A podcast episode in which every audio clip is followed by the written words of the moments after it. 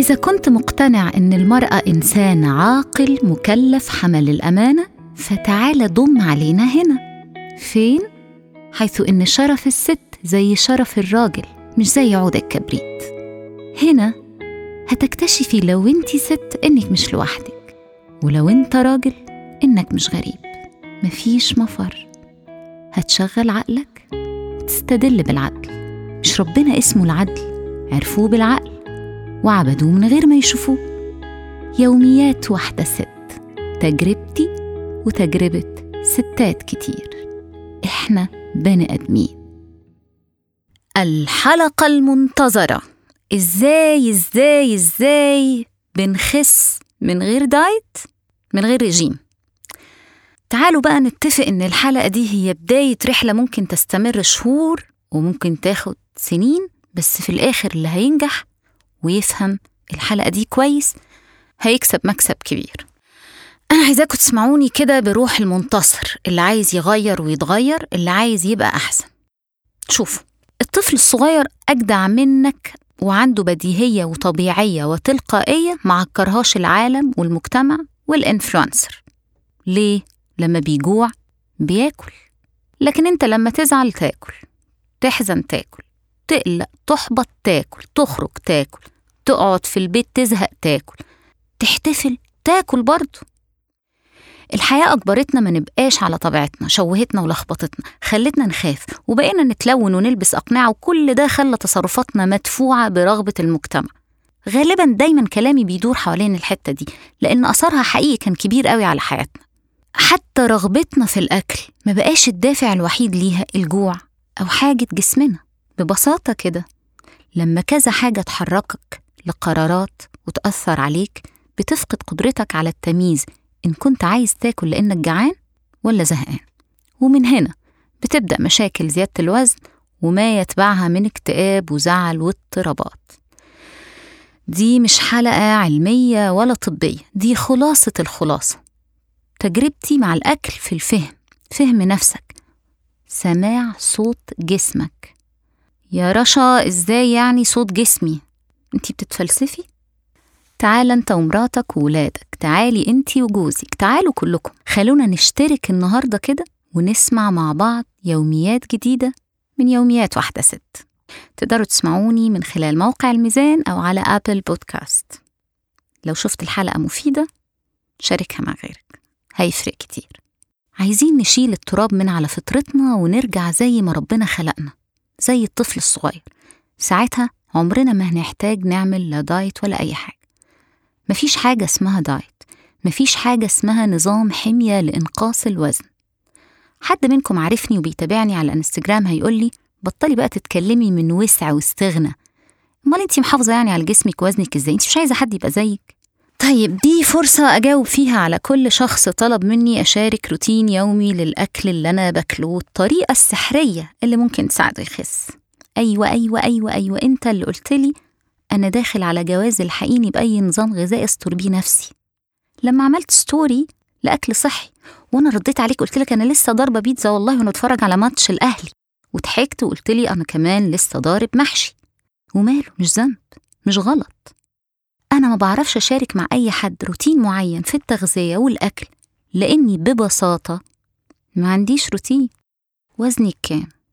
معقولة توصلني عشرات الرسائل بتسألني وزنك كام؟ أنا ما عنديش ميزان في البيت. أظن آخر مرة وزنت نفسي فيها كانت في الجيم من أربع خمس سنين. ما وزنتش نفسي من ساعة ما رجعت لفطرتي تاني. عملت ريست كده لجسمي وشغلته تاني. ما كانش سهل خالص. رحلة مضنية حقيقي مضنية. إن أرجع إحساسي يشتغل من أول وجديد. لكن الرحلة تستحق. في الحياة بالنسبة للأكل في قاعدة عبقرية كانوا جداتنا بيقولوها للأمهات أوقات لما يتحايلوا على ولادهم الصغيرين إنهم ياكلوا. تقول لها سيبيه لما يجوع هياكل. وده كان اللي بيحصل. وأول دروس الأمهات الحديثات ما تتحايليش على ابنك ولا تساوميه ولا تجبريه على الأكل. إحساس الطفل باحتياجه للأكل كان مقصور على شعوره بالجوع. إحنا لما كبرنا فقدنا الحدس ده بفعل المؤثرات الكتير التسليع ال social media الأفكار الغلط وغيرها. لكن من مدة بدأ صوت جديد في المجتمع يظهر ويروج لمفهوم جديد اسمه التغذية الحدسية. مع إن الأصل في كل حكاية الأكل دي إنك لما تجوع تاكل. بس فأنا هشارك معاكم تجربتي لأن عايزة أقول لكم إن ده تاني تحدي يستحق. أنا عمري ما فلحت إن أعمل diet. أكيد معظمكم زيي أنا متخيلة. وبتحسوا كده بذنب تحسوا إن أنتوا عديمي الإرادة. أصلا ال diet أحد أسباب إقبالك على الأكل بدون ما تكون جعان. ال diet ده نظام فيه حرمان وضغط على البني آدم ضد فطرته وضد طبيعته. وكل حاجة بنعملها ضد الفطرة بتخسرنا. أكيد بتلاحظوا الناس على طول عاملين diet وعلى طول عندهم مشاكل في الوزن. بتشوفوه. تقابلوا كده في كل مناسبة. معلش أصلا أنا عامل diet بالذات الستات. معلش أنا آسفة جدا أصلا أنا عاملة diet. وتلاقيها ما بتخسش. مفيش. حاجة ما بتتحركش. ولو الوزن نقص شوية بيرجع تاني. بس ما بيرجعش لوحده. بيرجع معاه إحباط وحزن واكتئاب وقلة ثقة بالنفس وإحساس بالفشل في ال diet. الكوميك والنكت والتريقة اللي بتطلع دايما على أصحاب الوزن الزايد لما ينوا يلتزموا بنظام حمية كلها بتحط من قدرتهم وبتشكك في إرادتهم. وأنا الموضوع ده بيضايقني جدا لأنهم أصلا أسوياء جدا عشان كده معرفوش يلتزموا بنظام غير إنساني زي ده. هتقولي أمال نخس إزاي وبنتخن ليه؟ طب تعالى نشوف إحنا بنتخن ليه الأول. بنتخن لما ناكل زيادة عن حاجتنا. طب أعرف إزاي حاجتنا دي؟ أعرف إزاي إن جسمي محتاج ياكل ومحتاج ياكل أصناف معينة وإيه هي؟ هي دي التغذية الحدسية اللي هي في الأصل فطنتك العادية وإحساسك العادي جدا وقرارك العادي جدا اللي تشوش. ركزوا معايا. إحنا دلوقتي محتاجين نبقى قادرين ناكل بس لما جسمنا يحتاج ونتبسط طبعا لكن مع اللي حاصل حوالينا ما بقيناش نعرف هو إحنا جعانين ولا بناكل عشان حاجات تانية. وهنا لازم وضروري جدا نركز إيه هي القواعد اللي لازمة وضرورة عشان أرجع حدسي تاني؟ هاخد حتة شوكولاتة كده وأقول لكم. إيه اللي خلانا ناكل لأسباب تانية غير الجوع؟ وإيه هي القواعد اللي لازم نلتفت وننتبه ليها؟ بصوا أول حاجة كده نرفض الدايت. بمعنى تاني كل أنظمة الحمية الغذائية لازم ما نقبلهاش ونبقى من داخلنا عارفين إنها مش حل بالعكس دي سبب للمشكلة. دي أهم سبب لاضطراب الحدس. الاسم ده اختراعي على فكرة. وأنا هنا أهو بسجله باسمي. هما بيقولوا إن اسمها تغذية حدسية. هو أصلا أنا عندي اضطراب في الحدس. هو الأصل إني لما أجوع آكل. أهلنا زمان كانوا بيسموه ريجيم أنا كنت بسمع ماما تقول أنا عاملة ريجيم إحنا كبرنا بقى ودخلنا المدارس اللغات واكتشفنا إن ريجيم بالإنجليزي يعني النظام السياسي وعرفنا إن الحمية الغذائية اسمها diet. بس والله أهلنا كان عندهم وجهة نظر ما هو ال diet ده بيضغط علينا زي أي نظام سياسي في العالم شغلته يضغط على الناس ما هي مش فوضى. وطبيعي لما تعمل diet وتحرم نفسك وتجبر نفسك على نوعيات وكميات وتوقيتات العقد مصيره هينفرط وترجع تاكل بشراهة بعد حرمان. أو تخلص كل اللي في التلاجة طالما قررت تبدأ diet آخر الأسبوع. بيحصل صح؟ أنا بقول لكم إن ده طبيعي إنه ما يحصلش غيره. كل الممارسات دي بسبب الدايت وكلها بتسبب اضطراب في الحدس الغذائي. المصطلح اللي أنا اخترعته دلوقتي وأنا بكلمكم. الأصل إن الحدس يبقى شغال. إحنا مولودين لما نجوع ناكل لما نزعل نعيط. أي خلل بقى في الفطرة هو اللي بنسميه اضطراب. وإحنا اتضحك علينا. أول دايت عملته كنت في إعدادي مع ماما. كنت بقلدها. الحقيقة هي لا قالت لي غلط ولا غيره ولا كانت تعرف أصلا. غير إنها دايما هي وبابا كانوا بيخوفوني بجملة أنت عندك قابلية للتخن. الجملة دي سمعتها أكتر من بحبك يا رشا. اللي بحكيه ده بحكيه عشان لو حضرتك أب أو حضرتك أم لطفل مليان شوية أو حاجة ما تغلطوش معاه نفس غلطة أهلي معاي الخوف من التخن بيكبر معانا كبر معاي صحيح أنا عمري ما كنت سمينة بالمعنى الحرفي للكلمة لكن عمري كمان مرضيت عن وزني. كنت بقيسه مرتين في اليوم الصبح وبالليل بعد الفطار وقبل الفطار ومن غير فطار. هوس كان عندي لبس معين كده لا بيمط ولا بيشد ولا بيوسع بقيسه كل يوم خايفة أتخن. عشت سنين مرعوبة أتخن زي ما اتربيت إني أخاف أتخن. عشان كده جربت كل أنواع الدايت كلها ولوحدي من الكيميائي للنووي. ما قدرتش أستمر على ولا واحد وعمري ما كنت تخين لكن عمري برضو مرضيت. عمري ما فهمت إن كل إنسان عنده وزن بيولوجي هو الشخص ده عنده وزنه وزن مناسب ليه زي طوله زي عرضه زي شكله عنده وزنه. يعني كان من المستحيل إن أعيش عشر سنين هدفي في الحياة إني أبقى نحيفة وشكل جسم جينيفر أنستون ده أنا لو شالوا من عليا رقات مش هبقى شكلها. ده مش وزني أنا البيولوجي. نرجع تاني بس لمساوئ الدايت.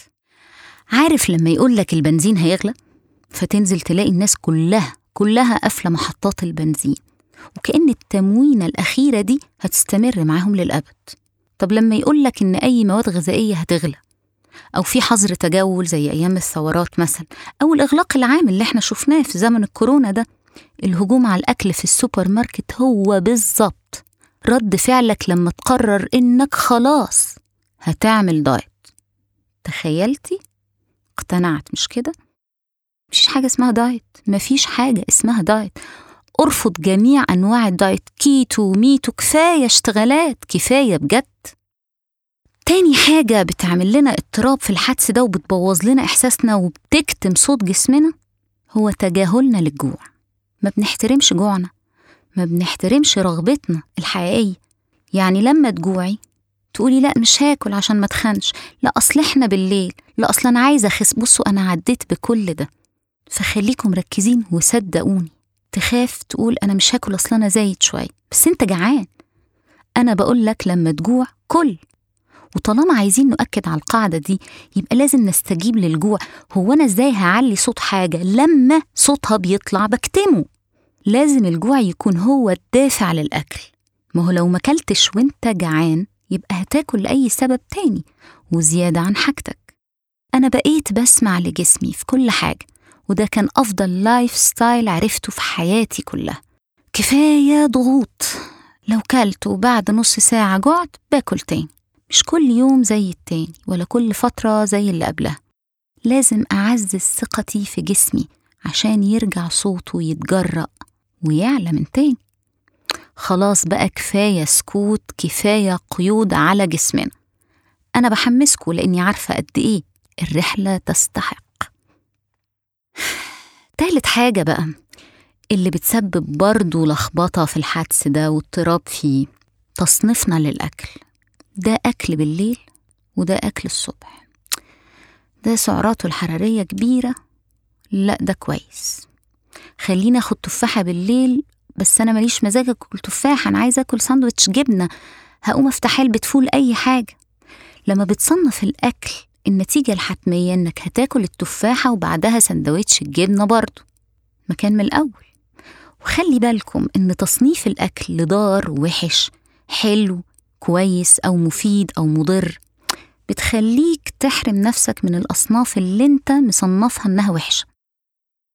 يعني أنا لغاية دلوقتي مش عارفة إيه اللي بيعيب المحشي ويخليه مرادف للخبطة في الأكل. صورة ذهنية غلط هو أنا لو كلت خمس ست عشر صوابع محشي لغاية ما أشبع قبل ما أتملي هيحصل لي حاجة؟ وقبل ما أتملي دي مش عشان خايفة أتخن لا يا سيدي ولا حتى اقتداء بسنة النبي عليه الصلاة والسلام لا عشان أنا لما بطني بتتملي على الآخر بتضايق وبفقد قدرة كبيرة قوي من تركيزي وإنتاجيتي ما بقاش مرتاحة. مفيش هنا أي داعي إني أحس بالذنب. لكن تصنيف الأكل بيخلينا نحس بالذنب. الحقيقة أنا بقالي وقت نادرا ما يعدي أسبوع من غير ما أكل شوكولاتة كذا مرة وحقيقي ما بقتش بعد ما براقبش. وحصلت إن أنا علقت على نوع شيبسي عجبني وقعدت أكله فترة كده طويلة كل يوم وزمن راح لحاله.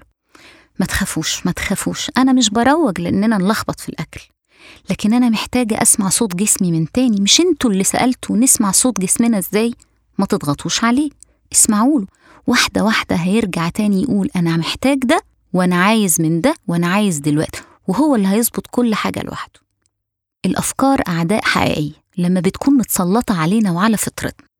خلينا بس نكمل الأسباب اللي بتخلينا نبطل نحس بحاجتنا وبتلخبط حدسنا اكتب ورايا الكلام ده انت هتلاقي عشرات المقالات على جوجل بس مين يصدق؟ ومين لو صدق يفهم؟ ومين لما يفهم يطبق؟ ومين لما يطبق يكمل ويستمر. المهم في حاجة اسمها المقيدات الغذائية ودي لازم نتخلص منها. اللي هي إيه؟ أنا المفروض باكل عشان ده نشاط طبيعي فطري في جانب متعة وجانب الاحتياج وطبعا الدافع هو الجوع. لو التزمت بقى بإني لازم آكل سلطة كل وجبة لأن ده قيد وضرورة وحاجة كويسة. إنما الكربوهيدرات والسكريات دي حاجة وحشة ما ينفعش أكلها. هكرس للمشكلة اللي هي اضطراب الحدس؟ لأني بحط قيود على الأكل. وهيبقى عندي إحساس بالذنب لو ما أكلتش سلطة هبقى حاسس بالذنب. أنا عشت سنين أشوف والدتي تحط البروتين والسلطة بتاكلهم مدش إيديها على الباستا ولا العيش ولا الرز. الحقيقة عمرها ما نجحت في ضبط وزنها قوي وعمرها ما بطلت دايت دي عاشت عاملة رجيم طول الوقت. وطبعا إحنا كلنا وانتوا بتشوفوا نفسكوا وبتشوفوا اللي حواليكوا. نفس الحكاية. إحساس بالذنب مستمر. زي ما قلت لك لو ما كلتش سلطة طب أعوضها بخيارة خصاية آخد برتقانة وناكلهم بدون ما نجوع ناكل عشان قيد الوجبة المفيدة. وطبعا أنتوا خلاص بقيتوا فاهمين إن أي قيد لابد من يوم كسره. خامس حاجة أسمع إشارات جسمي. تاني وبقولها بشكل واضح ولوحدها أجوع آكل أشبع أوقف. لسه ما جوعتش ما كلش مش مقرر لازم أخلصه بوقته. لو جعت بعد ما كنت لسه مخلصة أكل آكل تاني كل تاني. طبعا الدايت أو الحمية الغذائية هي النظام والمقرر اللي بتتجبر فيه على كميات معينة بتوقيتات معينة. عشان كده الأحرار واللي على الفطرة بيفشلوا في الدايت. برافو عليكم. كل واحد سامعني. فشل في الدايت انت صح. مين فيكو أو البنات بالذات ما مرش بفترة وزن الجرامات وحساب السعرات؟ منهم لله اللي شوهونا. سادس حاجة الرضا. والرضا ده بقى عايز حلقة لوحده بيدفعك للأكل بشراهة وباضطراب وبيكون عدم الرضا ده من أهم مسببات الاضطرابات في التغذية اللي ممكن تبقى أمراض بعد كده على فكرة. تعالوا نراجع كده العبارات اللي دايما بنقولها. أنا هدفن أحزاني في الأكل. الروح محتاجة لصينية بسبوسة. النفسية عايزة فتة. عدم الرضا هيخليك تتجاهل عامل الجوع ويبقى بيدفعك للأكل مشاعر تانية مضللة وعاطفية ملهاش دعوة خالص باحتياجك أو رغبتك في الأكل. ده مش صوت جسمك. وطبعا أنتوا حافظين النتيجة. ها؟ ها؟ هم؟ أيوة. ندم وبعدين أسى وبعدين إحباط وبعدين نرجع ندفن أحزاننا في الأكل تاني وبعدين ندم وأسى وإحباط. الحلقة المغلقة اللي بتحتاج إنك تقف وتكسرها وإنت بتكسرها هتحتاج تسترجع كل اللي أنا قلته ده تستجمع قوتك تحفز نفسك حفزي نفسك اتحمل بعد إدراك وفهم واكسر الحلقة دي على شرط ونية إنك ما ترجع لهاش تاني. وبديهيا التعامل مع عواطفك دون اللجوء للأكل العاطفي يعني أنا عندي سكر عندك سكر وبالتالي بيبقى عندك كده إحساس إنك عايز تاكل أحيانا حاجات مسكرة يبقى لازم تظبط سكرك. عندك اكتئاب قلق لا نعالج الاكتئاب ونسيطر على القلق. هتقولي انت بتتكلمي وكأن الواحد سهل يخرج من الاكتئاب أو يتخلص من قلقه. لا يا سيدي لا يا هنا أنا كنت بقوم من النوم آكل من القلق والإحباط وأندم وأرجع ونفس وكنت في الدايرة دي. بس أنا دايما بقول إن الإدراك هو بداية الحل. الإدراك هو بداية الحل لكل حاجة لأن كل عاطفة بتتشكل سواء نتيجة شيء عضوي مرض ما أو نفسي ليها طرق تصريف تانية غير الأكل. الأكل أسوأ طريقة تصريف في الوجود لأنها بترجعك للحلقة المفرغة تاني. اللي اتكلمنا عنها وبتزيد من مشاكلك العضوية أو النفسية. نيجي بقى لرقم تسعة أظن. أنا بالنسبة لي دي أهم حاجة. الرياضة. روتينك اليومي زي غسيل سنانك كده. تغسل سنانك؟ مم يا خوفي. طب زي شرب المية زي الصحيان من النوم. الرياضة دي بقى بالنسبة لي زي حتة الحشيش. شوف أنا عمري ما شربت حشيش لكن أنا شفته مضرب المثل لتحقيق المزاج الحلو من واقع الأفلام يعني واللي أنا بسمعه. أنا هعمل بودكاست مخصوص عن الرياضة وإن شاء الله لازم يكون قصير عشان تحفظوه على تليفوناتكم وكل ما تكسلوا تسمعوه. بس أنا عندي جملة بكررها دايما وبقولها لكل حد بيكلمني في الموضوع ده تحديدا. أنا بلعب رياضة لمليون سبب ما فيهمش إن أخس. أنا بلعب رياضة لمليون سبب ما فيهمش إني عايزة أخس. بلعب عشان أتبسط. بلعب عشان أبقى سعيدة بمارس رياضات بحبها. أنا طول ما كنت بلعب عشان أخس أو عشان أحرق سعرات حرارية فشلت فشل ذريع. لا حرقت سعرات ولا خسيت ولا استمتعت وبالتالي ولا استمريت. البداية ما بتكونش أبدا سهلة لكن في الآخر بتوصل لإنك وإنت رايح تبدأ رياضتك كأنك على موعد غرامي. رايح مشوار حلو راجع من خروجة جميلة طيارتك من السعادة. اكتشف مع نفسك وجرب نوع الرياضات اللي انت بتحبها. وده مش هنعرفه غير لما نتعب على فكرة. يعني أنا ما بحبش الإعادات في التمارين ولا الكارديو أوقات مزاجي ما بيروحلوش. لكن دايما بحب أستخدم الأوزان وألعب pump بحب السباحة. لكن الظروف سمحت إن أنا أمارس التمارين أكتر في البيت بالأوزان. فعملت ده. بقت مزاج ومتعة. ما بقاش ليها هدف متعلق بإني أخسر وزن. خلي بالكم. خلي بالك وخلي بالك بجد. المزاج ده اللي أنا بظبطه بالرياضة هنسحب على الرضا في النقطة اللي فاتت وبالتالي مش هيكون في حاجة للأكل العاطفي اللي بيرجعنا للمتاهات إياها. آخر حاجة بقى ممكن أقولها لكم الجملة اللي بتاخد طريقة كتيرة جدا من كتر إساءة استخدامها.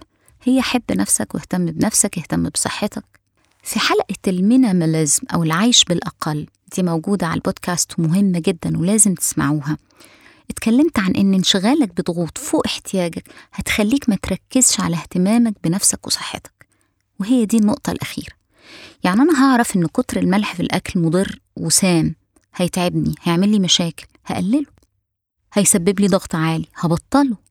في أكل معين هيعمل لي مشاكل في القولون هقلل منه. شوية شوية شوية. جسمي هيرفض الأكل اللي بيضر هيتعب لما أكل أكلة ما كانش المفروض أكلها. هو اللي هيثور وهو اللي كلمته هتمشي. مفيش راحة بدون مجهود. إحنا أبناء القوالب والتوجيه والاستغلال. وعشان نتخلص من كل الآثار الضارة اللي طالت روحنا وشوهتنا ما ينفعش نستصعب الطريق. ما ينفعش نستسهل الوضع الغلط. ما ينفعش نستسلم ونرجع نقول أنا تعبانة نفسيتي مش كويسة أنا مش عارفة أخس أنا مش مرتاح مع جسمي. وكل ما يتعلق بينا مرتبط ببعضه وصعب فصله الاستغناء الراحة الوصول التحقق الرضا كلها تحديات ما بنوصلهاش بالتكاسل ولا مصمصة الشفايف ولا بالفرجة على الناجحين. قوم أنت وكون ناجح وكون بخير.